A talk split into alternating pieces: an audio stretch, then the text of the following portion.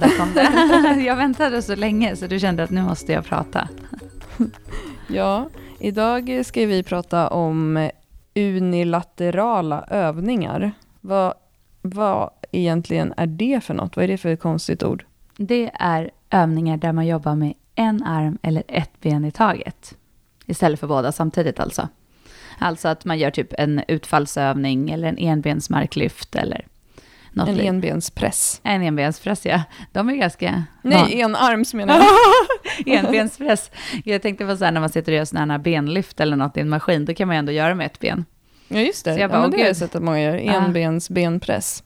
Ja, det är sant. Nej, men så enbens och enarmsövningar. Och jag skulle nog säga ändå att det generella är väl egentligen det som det bottnar sig i det avsnittet idag, är väl egentligen enbensövningar skulle jag säga.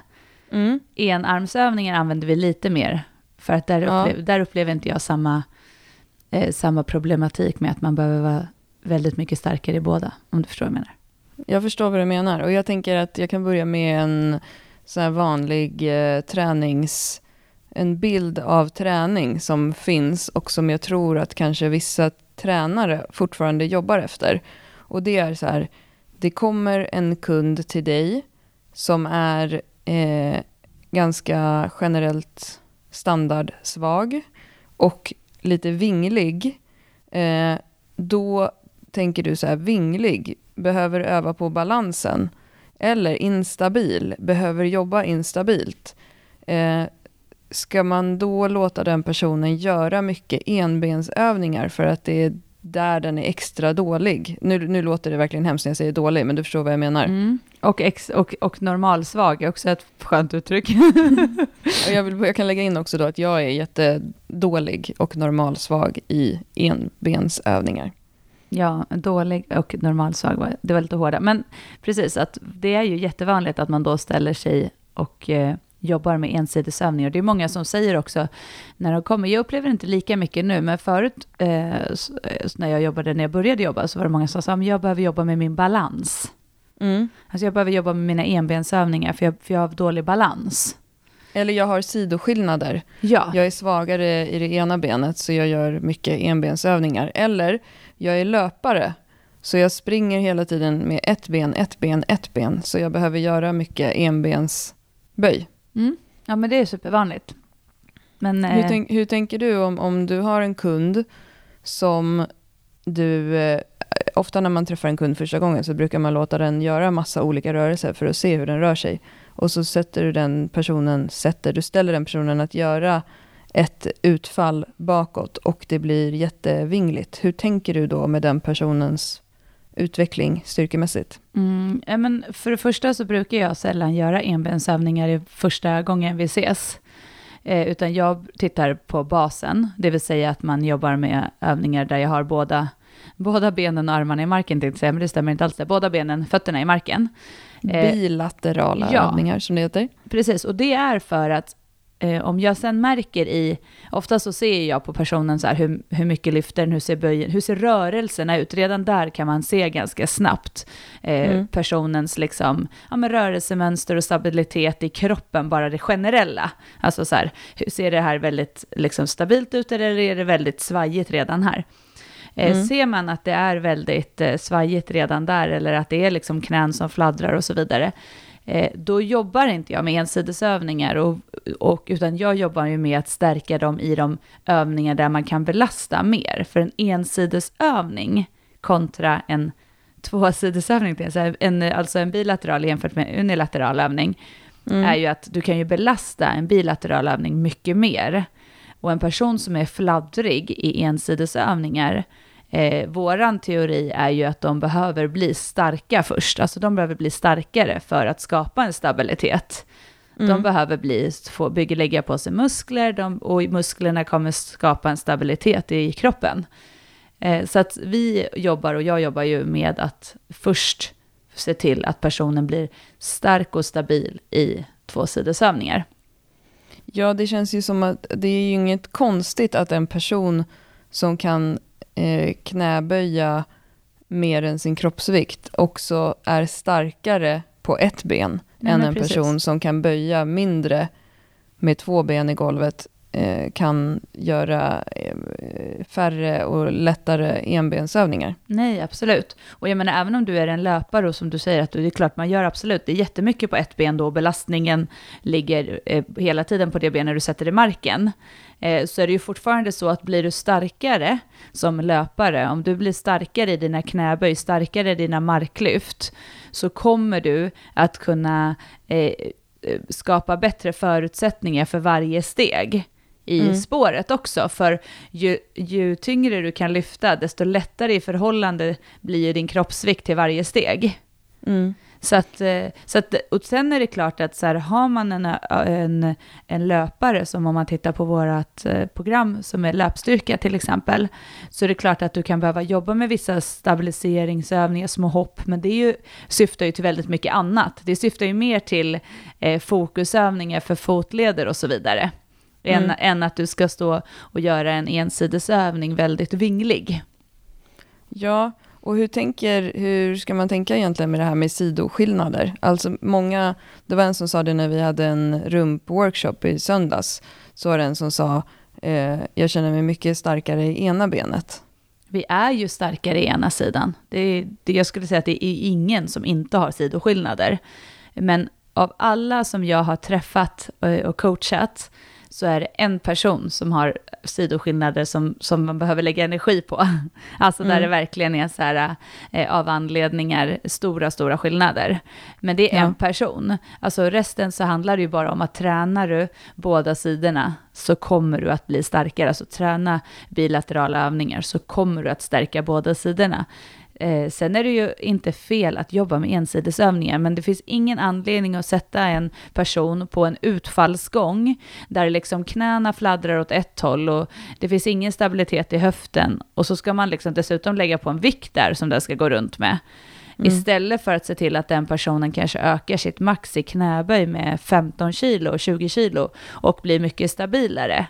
Mm. Eh, och sen om man då vill börja jobba med ensidesövningar när man tycker att det finns en bättre stabilitet, då jobbar jag, och jag vet att du också gör det, med ensidesövningar där man ändå kanske har en stödpunkt. Alltså man gör ensidesövningar så stabila de kan, med mål att istället öka vikten än att börja fladdra runt. Mm. Till exempel om man nu pratar utfall, att man jobbar i en Bulgarian split squat, det vill säga att man har en fot upphöjd bak och en fot fram i golvet. Man står mm. still, man har en stabil punkt att stå på, eller att man står med båda fötterna i golvet och jobbar rakt upp och rakt ner.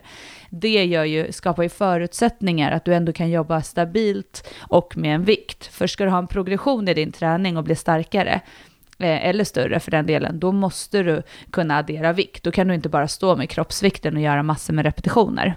Nej, precis. Och jag är helt övertygad om, men det här är jag ingen forskning bakom, att om jag eh, träffar en klient som är väldigt eh, liksom otränad eller har, eh, alltså är, är generellt, som jag sa, normalsvag i kroppen, men jag skulle sätta den på att göra generell hypertrofiträning för hela kroppen, typ bodybuilding, och sen testa en enbensövning efter en sån period så skulle det gå bättre bara av att den personen har byggt lite mer muskulatur på hela kroppen. Definitivt. Som just stabiliserar och eh, adderar extra tryck. Och även i början när man styrketränar, en stor del av utvecklingen som man får eh, den första tiden är ju den neuromuskulära och muskelkoordinationen. Eh, och det är ju också lättare att träna upp i den bas som du är stabil i. Det vill säga att din kropp, dina, din, dina ben uppfattar utifrån vad hjärnan säger vad den ska göra, än att du börjar med en svår övning. Det är precis som att lära sig att laga mat eller köra bil. När du kör bil i början så kör du på parkeringen så du känner dig trygg där och sen kan du ge dig ut i trafiken för du kan inte uppfatta alla de här sakerna, både trafiken och eh, rent hur bilen fungerar i början. Du måste addera nya svårighetsgrader vart efter de första sitter. Du måste bygga basen. Och vi brukar ju ofta prata om det här med att se på eh, styrketräning som en pyramid, eller hur? Jajamän. Ja, men där, där basen behöver vara så stor och bred som möjligt. För att ju, om den är för smal och du börjar bygga uppåt så kommer tornet tippa tidigare.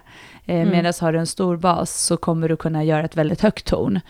Eh, och det handlar ju just om att man lägger basen, man bygger grunden. Sen kan man addera eh, kryddor och skills och svårigheter. Men att, att är inte basen stark och stabil så blir det liksom inget bra, ingen bra pyramid. Eh, och det tror jag egentligen inte att någon motsätter sig, eh, de tankarna Nej. egentligen, för att det är ganska självklart. Precis. Och om man tänker på ett exempel som vi tog upp på vår rumpworkshop i söndags, så pratade vi om det här med EMG-aktivering i rumpmuskulaturen, när man har gjort studier och tittat på vilka övningar där rumpan involveras mest. Eh, och då har det kommit en ganska ny studie som visar att split squats ger en hög eh, rumpaktivering i musklerna. Men det är ju fortfarande så att du kommer ju kunna göra tyngre knäböj än vad du kan göra split squats. Det finns ju ingen som kan böja lika tungt i split squats som i ett vanligt, en vanlig liksom back squat, om jag ska använda det ordet nu då. Eh, vilket innebär att om du lägger på en tyngre vikt så kommer du ändå ha en större rumpaktivering i det stora hela än om du har en lättare vikt och gör på ett ben. Exakt, och det tror jag att man tänker inte. När man ser en sån här eh, mätning då, så tycker man så, åh, men det är superbra, vi lägger in mer split squat, för den här personen vill jobba med sin rumträning. Medan mm. om den skulle göra, li, liksom, gör, om man skulle göra två personer som skulle få en som gör knäböj, en som gjorde split squat, så skulle det bli skillnad för den som blir starkare och, eh, och får jobba med tyngre vikter eh, med knäböjen, kommer att bli starkare i rumpan också, även om den inte har precis lika mycket eh, aktivering i, i mätningar så är det ju fortfarande, du kan inte göra varken knäböj eller marklyft utan att jobba med ditt säte. Exakt. Och grunden till det här är ju att det går att träna alla muskler eh, på tre sätt. Vi kan träna hela kroppen på tre sätt. Vi kan bygga vår maxstyrka. Vi kan träna kroppen för hypertrofi, det vill säga att musklerna sväller och blir större. Eh, och vi kan träna muskeluthålligheten. Men vi kommer få bättre hypertrofi och kunna träna uthålligheten bättre om vi ökar vår maxstyrka. Det kommer alltid vara så i grunden att en person som kan dra ett tyngre marklyft än en annan person kommer kunna göra fler marklyft på en lättare vikt än vad personen som har ett lägre max har. På samma vikt, som kan göra på samma vikt, ja, precis. Exakt. Och det här gäller ju också, det är precis samma sak som det här med bygga basen på pyramiden, men också det här med att addera mer avancerade övningar. För det är mer avancerat att ha en mindre understödsyta. Ju mer understödsyta vi har, eh, när vi pratar om som träning som personliga tränare, så pratar vi om trepunktsstöd, tvåpunktsstöd och så vidare. Det kommer alltid vara svårare och börja inte i det svårare. Eh, men en sak som vi, som vi liksom måste lägga till då, att vi pratar alltså inte om rehab nu. Nej, utan det här är alltså när man inte har någon skada eller någonting. Eh, har man en skada man behöver rehabba, då behöver man, då kan man verkligen behöva göra ensidesövningar av den anledningen, för att man måste fokusera extra på det, eh, den sidan som kanske har en nedsättning eller en skada, eller behöver komma tillbaka efter någon typ operation mm. eller någonting.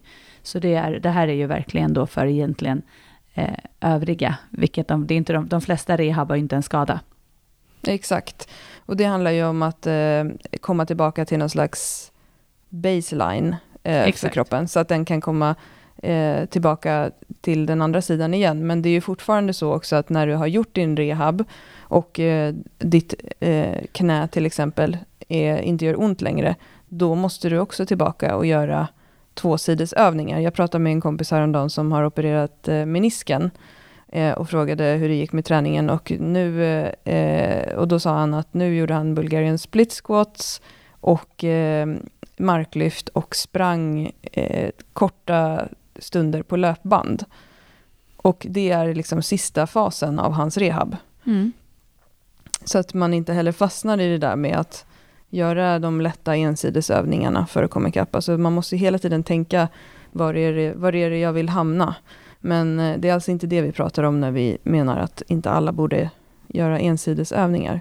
Men du Johanna, ty tycker du, alltså en vanlig person mm. som vill typ köra bli en beefcake och våra träningsprogram, kan, behöver den personen göra enbensböj överhuvudtaget? Nej.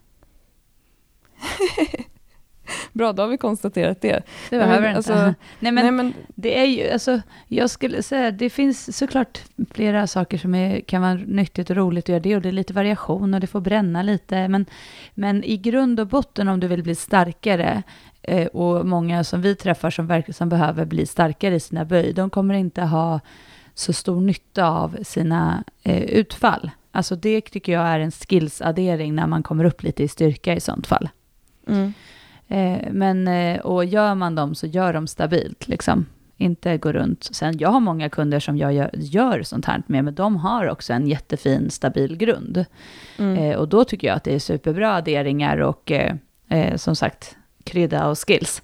Men, så att det, är liksom, det är inte så att, jag, att vi är emot ensidesövningar, utan det handlar bara om att först bygga basen och inte bli, eh, som vi upplever, för fokuserad på att du behöver bli starkare i balansövningar eller ensidesövningar för att du har sidoskillnader och därför göra massor med ensidesövningar, utan just att se till att blir du starkare så kommer båda sidorna bli starkare.